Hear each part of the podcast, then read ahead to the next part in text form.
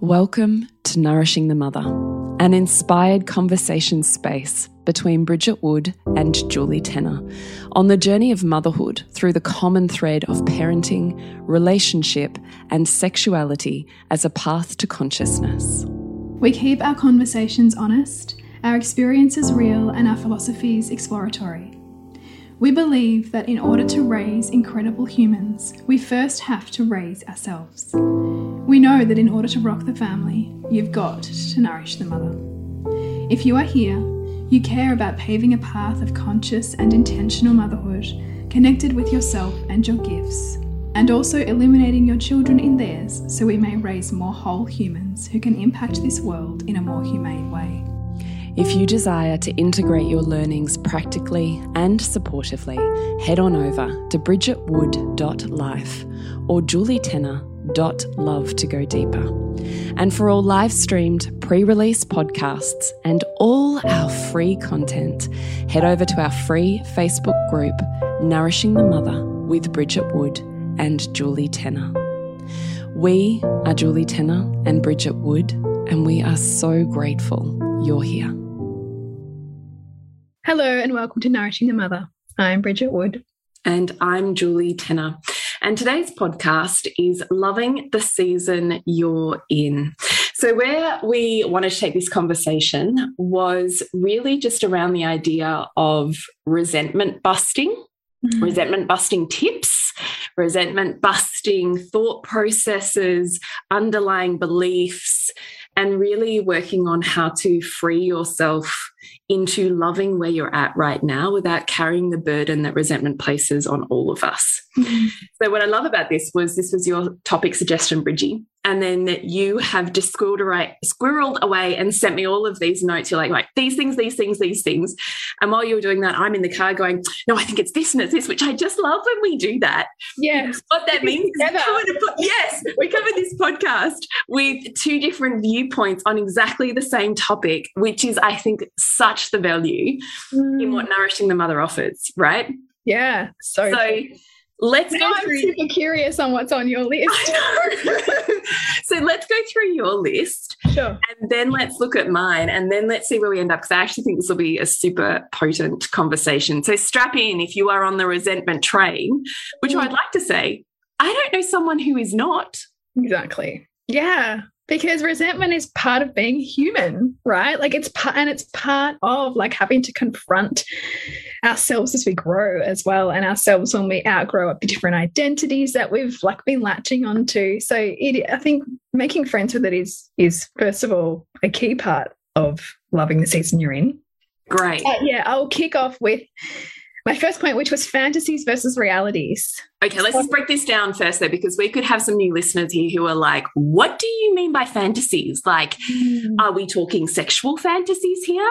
And the answer is no, not the language that we're talking about in here. So, do you want to break that down for yeah, us? so a fantasy is like a one sided view of life, of yourself, of parenting. It tends to be filled with you know experiences that might be all good or you know all this particular amazingness or it's only going to be this or when i can have that then i'll be free of this other thing. And so it is you know positive thinking positive vibes like it's it's an unsustainable way of living and we use it as a way to get us out of you know reality that we're living in which is fun to play with. But when we start to become hooked on a way of thinking that says, you know, my motherhood or my life will be better when, or if my child did this, then I could be okay. Mm -hmm. We start to have a really disembodied experience of mothering and of ourselves, which makes it really difficult to be here now. Yeah. So, a classic fantasy can be you know, when I become a mother, I'm going to have all of these, you know, deeply loving feelings all of the time, and I'm going to feel connected to my child and myself. And it's going to be this life I've been yearning for and waiting for, and the freedom I'm looking for from a job I don't love. Like, you know, you can see how you start to build it up, right? To build it up, build it up as this impossible reality. And what happens when you build up an impossible reality is that you come crashing down. Mm -hmm. And that's what can be an experience for some women of postnatal depression, for example. Mm -hmm. We didn't realize the truth of what this experience of mothering or this season of mothering was going to bring us. And so we come crashing into it. And even when we're there, what we're doing unconsciously is comparing our reality mm. to this made up fantasy and therefore continuously reaffirming how shit what we have is. Mm. Because we only tend to understand something by its opposite. And so if the opposite we've created is, you know, my child will sleep through the night, um, my partner will be always supportive. Um, there'll be people around me who really um, believe exactly the same values that I believe and, and want to help me. Like, you can see how these constructs in our mind can very quickly be hampered by the reality that, well, biologically, babies often don't sleep a lot. The people around you are not designed to support your values all of the time. Your partner will see parenting and mothering different to you, and that may be a source of conflict. And so, the more fantasy driven we are, often the more of a nightmare we're going to experience as an attempt for our psyche and the universe around us to balance us out. Mm. Because if we don't do that balancing ourselves, the outer world has to do that for us.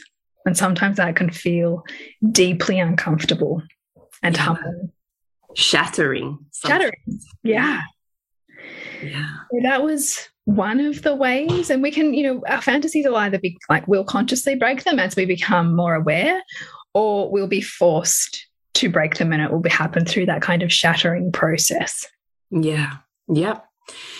So, your next point was what's here for my inner child to confront and release. Mm. When it comes to loving the season you're in and resenting where you're at, what's here for my inner child to confront and release? Mm.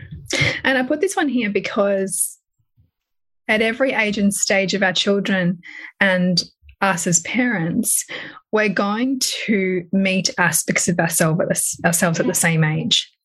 And so that's why we can feel sometimes completely sideswiped by our child's particular behavior or a big sleep challenge if we've got a newborn, because all of a sudden we are brought into our own trauma, our own places of shutdown, our own key places of emotional wounding or patterns that were set in place, perhaps of shame or of not speaking up.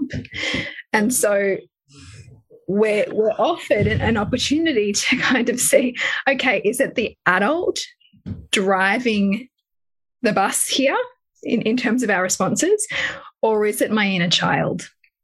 Mm. And a way to see if it's your inner child is to also look at how the dynamic is with your parenting partner in response to what the child in front of you is doing. Because if you're going into overprotection with the child, if you are, you know, almost irrationally emotional about what might be going on, then chances are there's something playing out in the child's behavior that's for you, that's you getting a chance to look again at what's unhealed for you.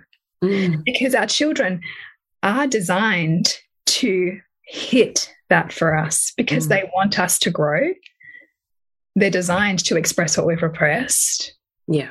So that question of, you know, what's here for my inner child yeah. allows us to explore what might be unconscious, but that's showing up, and then take back some control. Mm. I would also add into that that particularly when it's our children that are expressing what we're repressing or who are offering the perfect setup for us to tap into that unconscious wound or reaction that we can end up resenting our child yeah or resenting our partner for what we say is because of them and they're so or they're not or whatever. Mm. But actually, what we're not enjoying is the experience of the reflection of self that comes up in that moment. And we can get quite resentful of the fact that we now that's being thrown in our face mm. in a mm. way. Yeah, and I love that that point that you're laboring here because also what can come with that is shame attached to our resentment of our child because the conscious kind of like executive center part of our brain goes, but you shouldn't feel like that about a child. Yeah. But yet you do because there's a part of you that wants you to grow into it and beyond that. Yeah. Yeah. Totally. That's why I thought it was just worth pinning because it is one of those shamey emotions mm. that mothers rarely have a conversation about, and yet, which I think in different seasons is quite normal and functional. Mm. Mm. And like, I mean, there's key seasons for it. There's, you know, there's there's the whining toddler, or there's the um, precocious tween or the you know the teen who talks back or there's mm-hmm. particular character characterizations of children that have stored within them what we still have um, unresolved feelings about unresolved feeling yeah yeah definitely your next point was getting on the same team with your partner yeah so this i think is really key for you to feel good yeah. in your family values, in being on the path of the same kind of vision for what you want for your family. Not necessarily that you mm-hmm. both see getting there the same way or that you expect you to both perceive things the same way, but that you both see the same desired kind of outcome. Yes. And this will require you to meet your inner child a little, which might be uncomfortable, and to surrender the projections that you may have onto them of how they should parent, what they should value, mm. and how and how you think that they might they might have to um, take a back seat to you because you know better. Because also many mothers, you know, we're, we're most self righteous in our parenting because we put so much value there. Mm. But in doing that, we can sometimes emasculate our partner, we can crowd them out, they can feel less needed, which can then impact your intimacy. And so, getting on the same team, I see as giving you more spaciousness. Mm. Because then, if you're on the same team and you're both checking in with each other on the dynamic that are at play, on where each child's at, on what each child needs, then you know that when you step back and take care of yourself or your other interests, that you don't always constantly have like one foot in, oh gosh, is he doing it okay? Or oh gosh, are they going to be okay? You can actually be you and be in alignment with what you're pursuing, whether that's a parenting or something else. Yeah, I think that's really beautiful advice, particularly for someone who's like, I can't take my foot off that brake or that accelerator. that pedal. Yeah, yeah. Yeah. yeah. yeah. Next one is you don't have to do it all, busting the perfect mother myth. Mm. So the perfect mother myth is this, you know, sociologically perpetuated construct that says, you know, you have perfectly behaved children, and then that the good child is a reflection of a good mother, mm -hmm. and that your relationship is always going to be thriving, that your career will be blossoming, that your home will be tidy, and that you will know exactly what you're doing all of the time. right? Like it's a unicorn. But yet, so many of us will still live within the construct of that because everywhere we turn, we see other women performing that, mm -hmm. attempting to perform it. Or we see it reflected to us in advertising, in culture, in consumer in consumables. And so agitating for our own sovereignty from that means we get to make more conscious choices about what it is we do and be more willing to delegate what it is that we don't want to do. Yeah. Oh, amen. I actually think we could not spend enough time talking about the perfect mother myth. Yeah. Sophie Brock certainly calls it that, but just being in that dynamic of what we're socialized and conditioned towards yeah. versus stepping outside of a patriarchal notion. Exactly. And Dr. Sophie Brock's work is so powerful. She talks about it, she characterizes that as a fish tank. And she said, it's everybody else is in this fish tank, like your mother, your mother in law, you know, the, the mother's group. And that sometimes in your attempt to agitate for change, you will even be turned on by those other women mm. because even though they feel trapped by this, there's a level of safety. It's like better the devil you know than the one that you don't. Yeah. Because, so even the one you know who's ramming the tank can also be seen as a threat. And so, this is why constantly cultivating our own sovereign way of mothering is a change agent. And also, it becomes powerful work to liberate our daughters from. Oh, I just love that. Change agent, liberate our daughters. right? Because they're going to grow up. I mean you can look at this even in terms of like it starts it starts before birth right? Yeah. Oh definitely. And we even think about like you know you and i will no doubt spend time considering our daughters and what kind of imprint they're going to get around the birth system. And we'll want so much to release them from that but ultimately they're going to be swimming in this sea of how they should do it and you know it's a powerful imprint despite the ones we've given them. Totally. Bringing awareness as much as we can to those constructs help us, helps us to reclaim agency. 100%. It gets to be fun. Yes, yes. And I love this reminder because on the other side of the resentment or the overwhelm or the like feelings of not getting needs met, mm. it's fun right, is yeah. lightness. But yet, as we get more polarized, as we get more rigid in our parenting as a result, perhaps, of our righteousness, it's harder and harder to access that fun.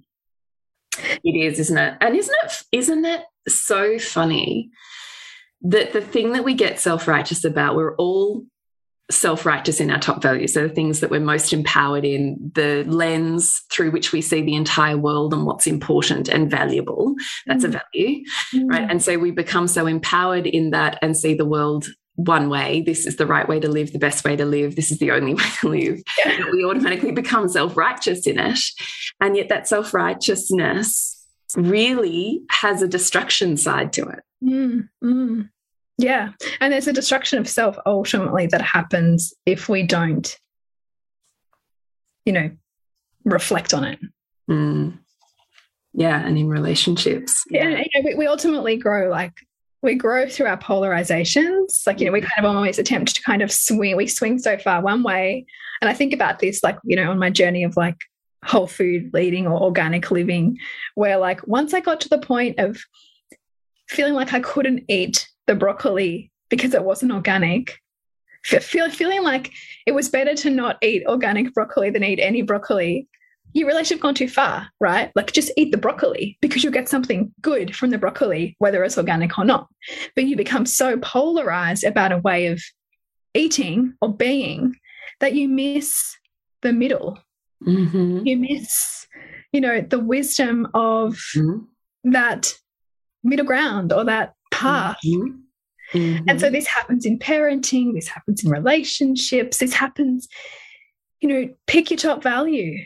Yeah, right. Yeah. It's, One of my friends who's a Dharma teacher, she reminds me all of the time because it's so easy to get polarized in your own viewpoints. And you don't realize you're not you're not playing in the middle. You think you're really somehow balanced and yeah. it takes some other beautiful human to go and she says it to me all the time. I feel like it's one of her greatest gifts to me almost like a man. She's like yeah. And there's the middle path you know because the dharma is so much about choose the middle path you know. Yeah. and i'm always like yeah. Oh that's right. Yeah. i mean the funny thing is that life will likely bring you back to it anyway like you'll get brought back.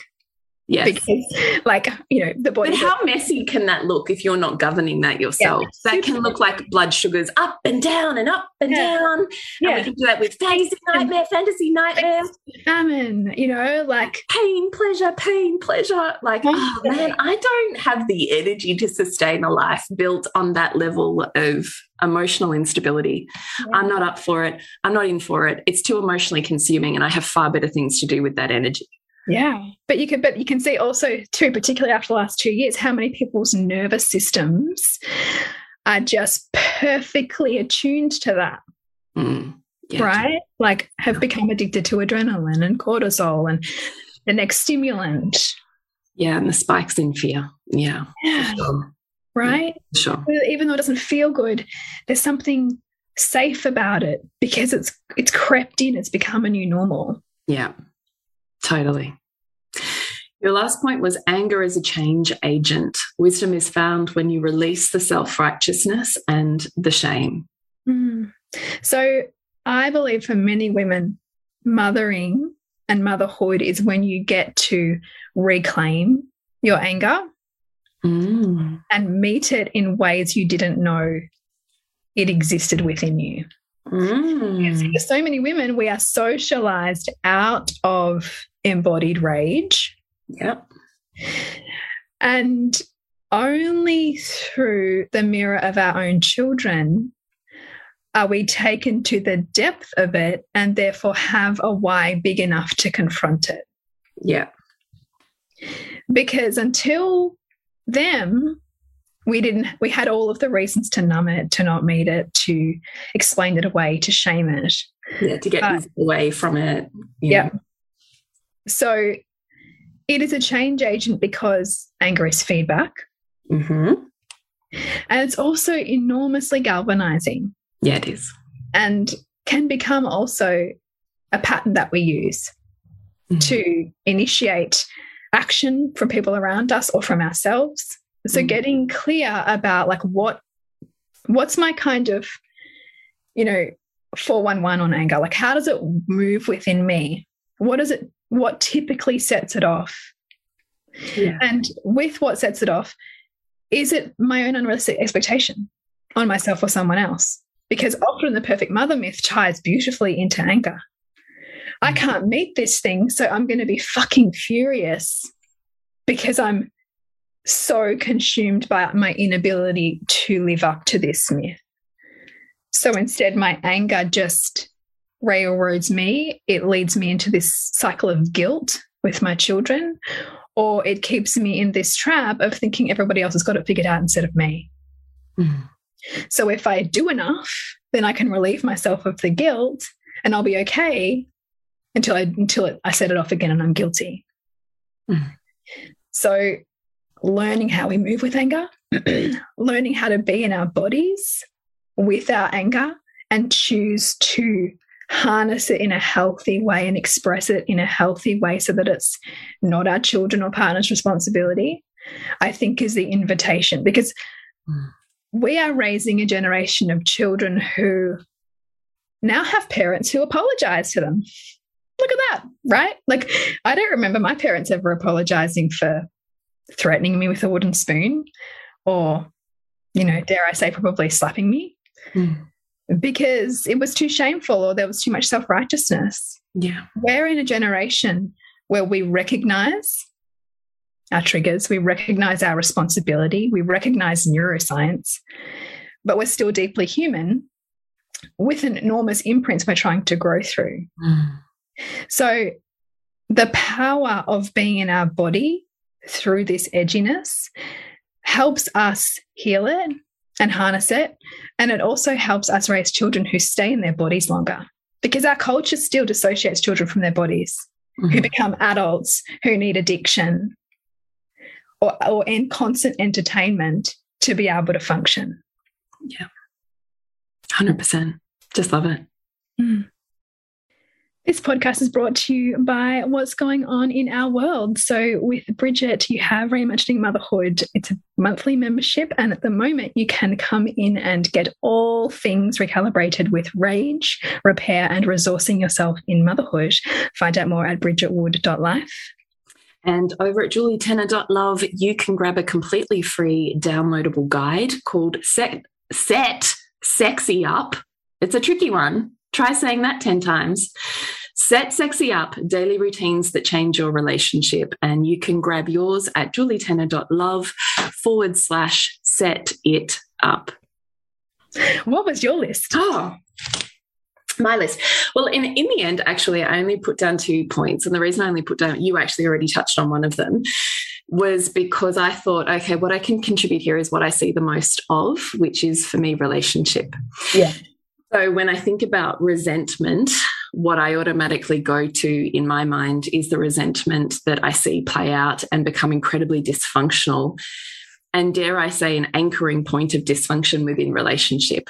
Mm. So there's almost, I think, no emotion that's harder to be with because it can be so undercover Mm. and so hidden and yet so insidious in its destruction force before it's even realized. You Mm. know what I mean? Give us an example of that because as, as you're talking, I'm thinking, well, passive aggression is Yeah. yeah, a clear marker of a resentment, right? Right. Yeah, exactly.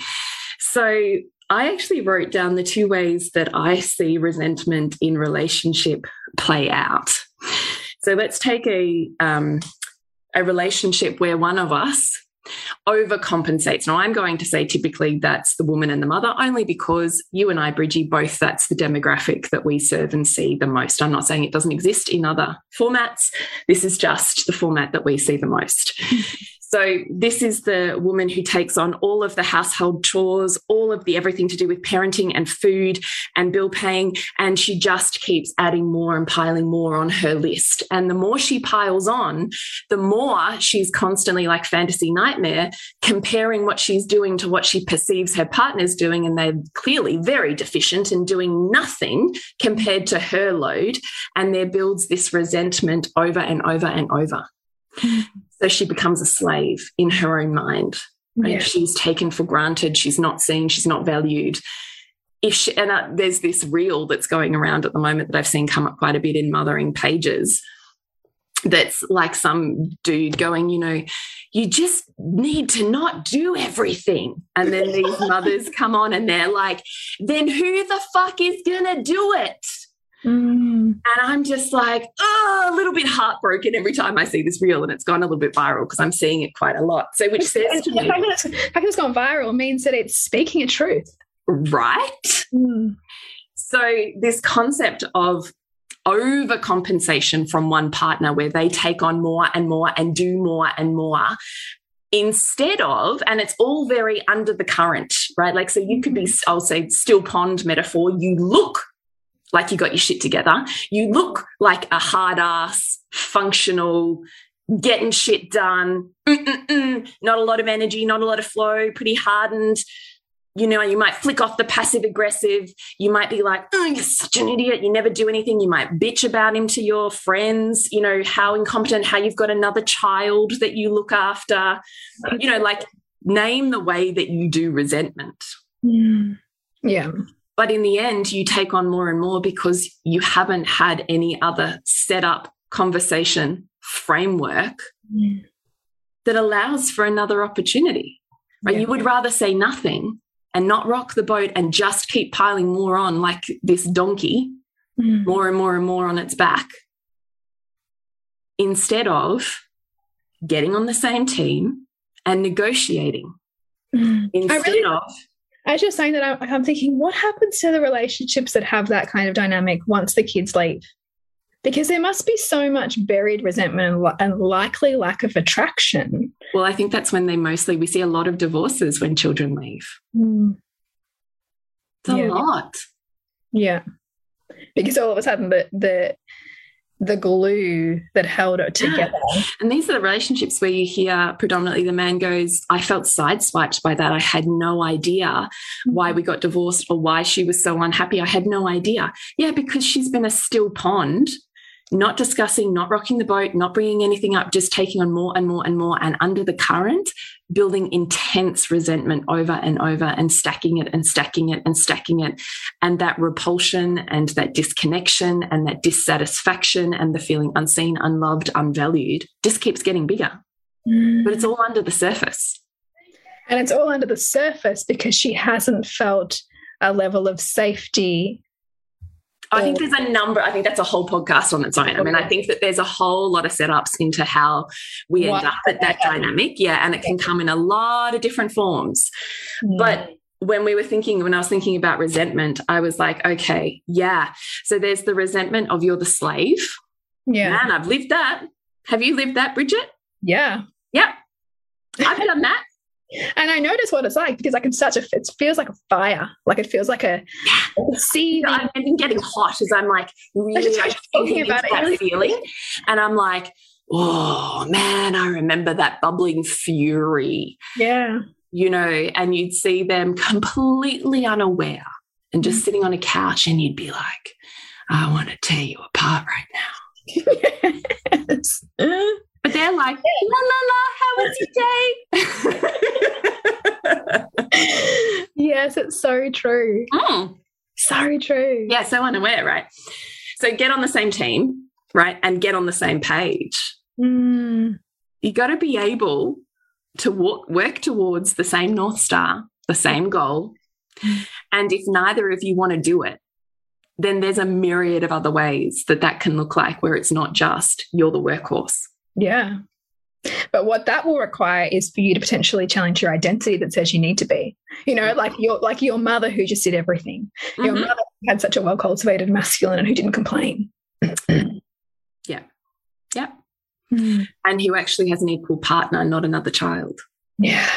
What I mean, because who, like I mean this is awful, but who wants to who wants to get intimate with with who they perceive? no one. That's the whole point. No one. Right? It is the biggest killer Mm. of desire and intimacy. But I will add to that the flip side of this exact dynamic.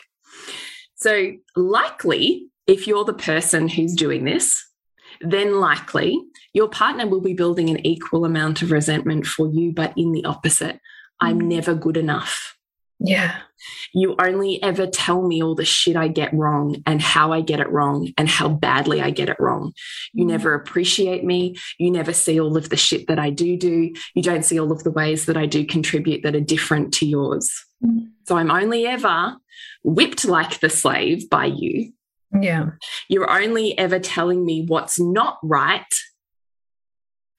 And I build up this resentment of I'm not good enough. And no one wants to be around someone who continuously whips them with you're not good enough, who nags them, who creates the parent child dynamic. You're doing it yourself if you're nagging them. Pick up your socks. Wait a minute. Have you done and micromanaging the shit that they do do? Mm. Man, you are putting yourself in the role of their mother Mm. and they will get just as resentful as you are. Right? Decreases desire and intimacy, and ultimately erodes their self worth. They don't want to show up because they never get it right. So, why bother trying? Mm. They stop trying. They stop trying to meet you. They stop trying to fuck you. They stop trying to get it right because they always get it wrong. So they withdraw and hightail it out of there. They retreat from you. So They in might- this they might- scenario, they might be physically there like they might be in the in the bond of family but they but they leave it in a myriad of different ways Yeah. into scrolling into sport Yeah. into work Yep. Yeah. whatever So they will feel resentment over the fact that they are not appreciated. They're never good enough for you, for this, for your family, for your relationship, whatever it is, never good enough. They'll resent you for that, the same degree that you're resenting them for not being good enough and not stepping up. And you will resent yourself for being a narky witch, yeah and you will resent them for for putting you in the role of being the narky witch. and man, I've lived that. Have you lived that, Bridget? Yeah. Yeah, this is I just so- but it's so humbling though because then you have to go fuck yeah right. Okay. I remember when i used to have some like big arguments with my husband about this kind of thing years ago. I used to i think i've mentioned this before on the podcast i would actually go and write down all the things he said because my identity was so resistant to accepting those things about myself. So i would actually write it down so i could come back and reflect on it like as a third person, like a way of seeing it on paper rather. yeah Yeah, so clever Because- actually. because what happens is because we can't, because your ego can't handle it, handle the feedback, you either don't fully hear it or you just ignore it and you continue the same cycle. Yeah, totally. Well, they just continue to either leave mentally and emotionally or get so pissed off that then it blows up again and you're having the same conversation two years later. Yes, yes. So just like at Halloween, for women, there's more options than sexy kitten and witch. Here in relationship, there's more options than slave or witch. Yeah. because they're the two roles that we cast ourselves into and that we get cast into without opening up all of the stuff that Bridget just spoke about. Mm. And, and and to the slave thing, mm. part of getting out of that will also require us to meet our inner child. Because if we if we're feeling like a slave, chances are we have not empowered our children enough. Mm -hmm. Because our or our partner. Or our partner, you know, anyone, right? Like there should be an equal contribution relative to age for everybody in a home. Like, you know, I don't exist simply to serve you. Yes.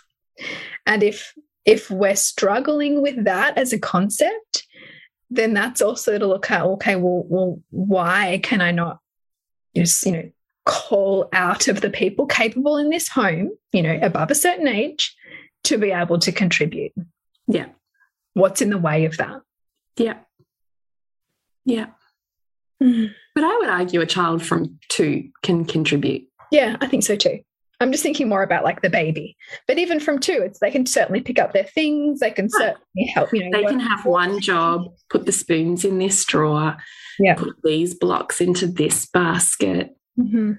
find all of the soft toys. Like there's plenty of ways that they can contribute mm -hmm. and want to. Like by the time they get to three, they're all about I do it. Yeah, it's so true. I mean, that's also why, like in the Montessori, like practical life is is the toddler's work because they want it. They want to help, but it will require us to slow down enough to allow them to mm -hmm. grow into that capacity. Totally. Which might be a nervous system working. Yeah, 100%. So if it's not working for you right now, I can guarantee you it's actually not working for anyone. And you don't have to stay stuck where you are. You truly are the master of the life that you are creating, but it's in your everyday actions. It's not in these grand mm-hmm. once a year vision boards. It's yeah. literally in how you show up, be, and do every day in its minutia. Mm -hmm. So if you're unhappy, unsatisfied, building, stacking resentment that is like drinking poison, trust me, it is. You think it's easier right now to do that than to have whatever you think is harder the conversation, the setup, the resistance, the argument from children or partner, whatever it is you think is worse than swallowing it and just keep on keeping on. I can tell you it's not. Mm. That poison just gets deeper and more entrenched and harder to heal from. Yeah. But you don't have to drink poison in order to live an ecstatic day to day life. Mm. That's not what that's not what it's supposed to be. No. Like we might have occasional shit days, yeah, but, but every it, it shouldn't be a way of being. No, it shouldn't be a way of being. And if it is, there's some things that are deeply out of alignment and integrity for you. And that feedback is trying to get you to navigate towards what is in greater alignment and authenticity to you. So please listen and please do it mm. because it doesn't have to be that way. Mm. And often the key is simply just no, simply just it's not so simple, but the key is ultimately to chunk it down so you're out of overwhelm. Because sometimes when you're hearing, you might be hearing this and going, fuck, I can't even see the wood for the trees right now because yep. that's my dynamic. Yeah. Also, really normal for our own stuff, mm. which is why you have to get coaching, join a container, be mm. facilitated outside of your own bullshit that got you here. Yeah. Girlfriend, you have got yourself as far as you have got yourself. Mm -hmm. that is fantastic and brilliant. But unless you step outside of yourself, this is it. Mm. It's funny. I had a client um, come on board just this last week, and she said to me, I just can't deal with my own bullshit anymore. Mm. And sometimes we get to that point. Haven't we all been there? we just go, I just can't keep doing the same thing. Yeah. Because it's getting me exactly here and I'm spinning my wheels and I'm sick of it. Yeah. Yeah. And that's a beautiful point to get to because it's like you hit that point, you're like, I can't fucking take my own shit anymore. You know, screw, despite everyone else's, I can't take it from myself anymore. I'm at the point now where I've got to shift. Totally. That is where the power is. How beautiful is that? Yeah. It is where the power is at. You're 100% right. Mm. So, Bridgie, how do we work with and connect with you, your places and spaces? Yes, in the Reimagining Motherhood membership. So, at the moment for May, we're looking at Recalibrate, Rage. What's it called? I've had a mental blank. oh, it's all about rage, repair, and resourcing yourself in motherhood. So we are looking at all of the kind of tackling one topic at a time. So actually defining rage in motherhood, feeling where we're at on a scale of our rage, unpacking where it's coming from, and then moving into repair and then our resourcing. So, really stepping you through that journey for the next month or so in the membership. And what about you, Jules? Well, Lover School actually has just closed its doors, but what I do have available for you at the moment is a very quick, easy download that is called Set Sexy Up. And it's all about creating daily habits and routines that can really deeply and profoundly impact your relationship in its day to day life. So it's eight steps and it's 16 pages of very thorough information. You can pick the one thing and it's completely free for you at the moment. And you can grab that at julietenner.love forward slash set it up. That sounds so good. It's so good. I'm gonna get it. You know, Brittany, what it's like. You and I like are like content creators. It like it's just yeah. like you know thing, and I'm like, oh yeah, yeah, yeah. I want to do that. I want to do that. And then I get it out, and I'm like, good, it's out there. And then someone goes, oh my god, it's amazing, and I'm like, yeah, it is. you know, when you have that moment. Yeah, it's so good. It's like, oh yeah, oh, I can see it on paper. Like I can see this way of like, yeah, yeah, but I can see it on paper and I can see how rich it is. So exactly, good. is so good. And we are nourishing the mother. You can connect with us on nourishingthemother.com.au, nourishing the mother on Facebook and Instagram. Mm-hmm. Remember to nourish the woman to rock the family. And we'll see you next week when we continue to peel back the layers on your mothering journey. Thank you so much for listening. We literally couldn't do this without you. Please share this podcast with anyone you think it would be medicine for. If you desire to integrate your learnings practically and supportively into your life, then head on over to bridgetwood.life or julietenner.love to go deeper.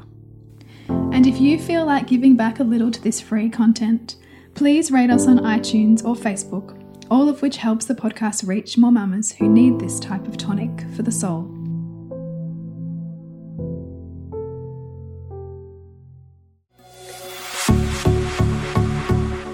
This has been a production of TheWellnessCouch.com. Check us out on Facebook and join in the conversation on Facebook.com forward slash The Wellness Couch. Subscribe to each show on iTunes and check us out on Twitter.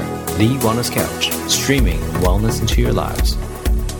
Whilst the Wellness Couch presenter endeavor to provide accurate and helpful information to their listeners, these podcasts cannot take into account individual circumstances and are not intended to be a substitute for health and medical advice from a qualified health professional. You should always seek the advice of a qualified health professional before acting on any of the information provided by any of the Wellness Couch podcasts.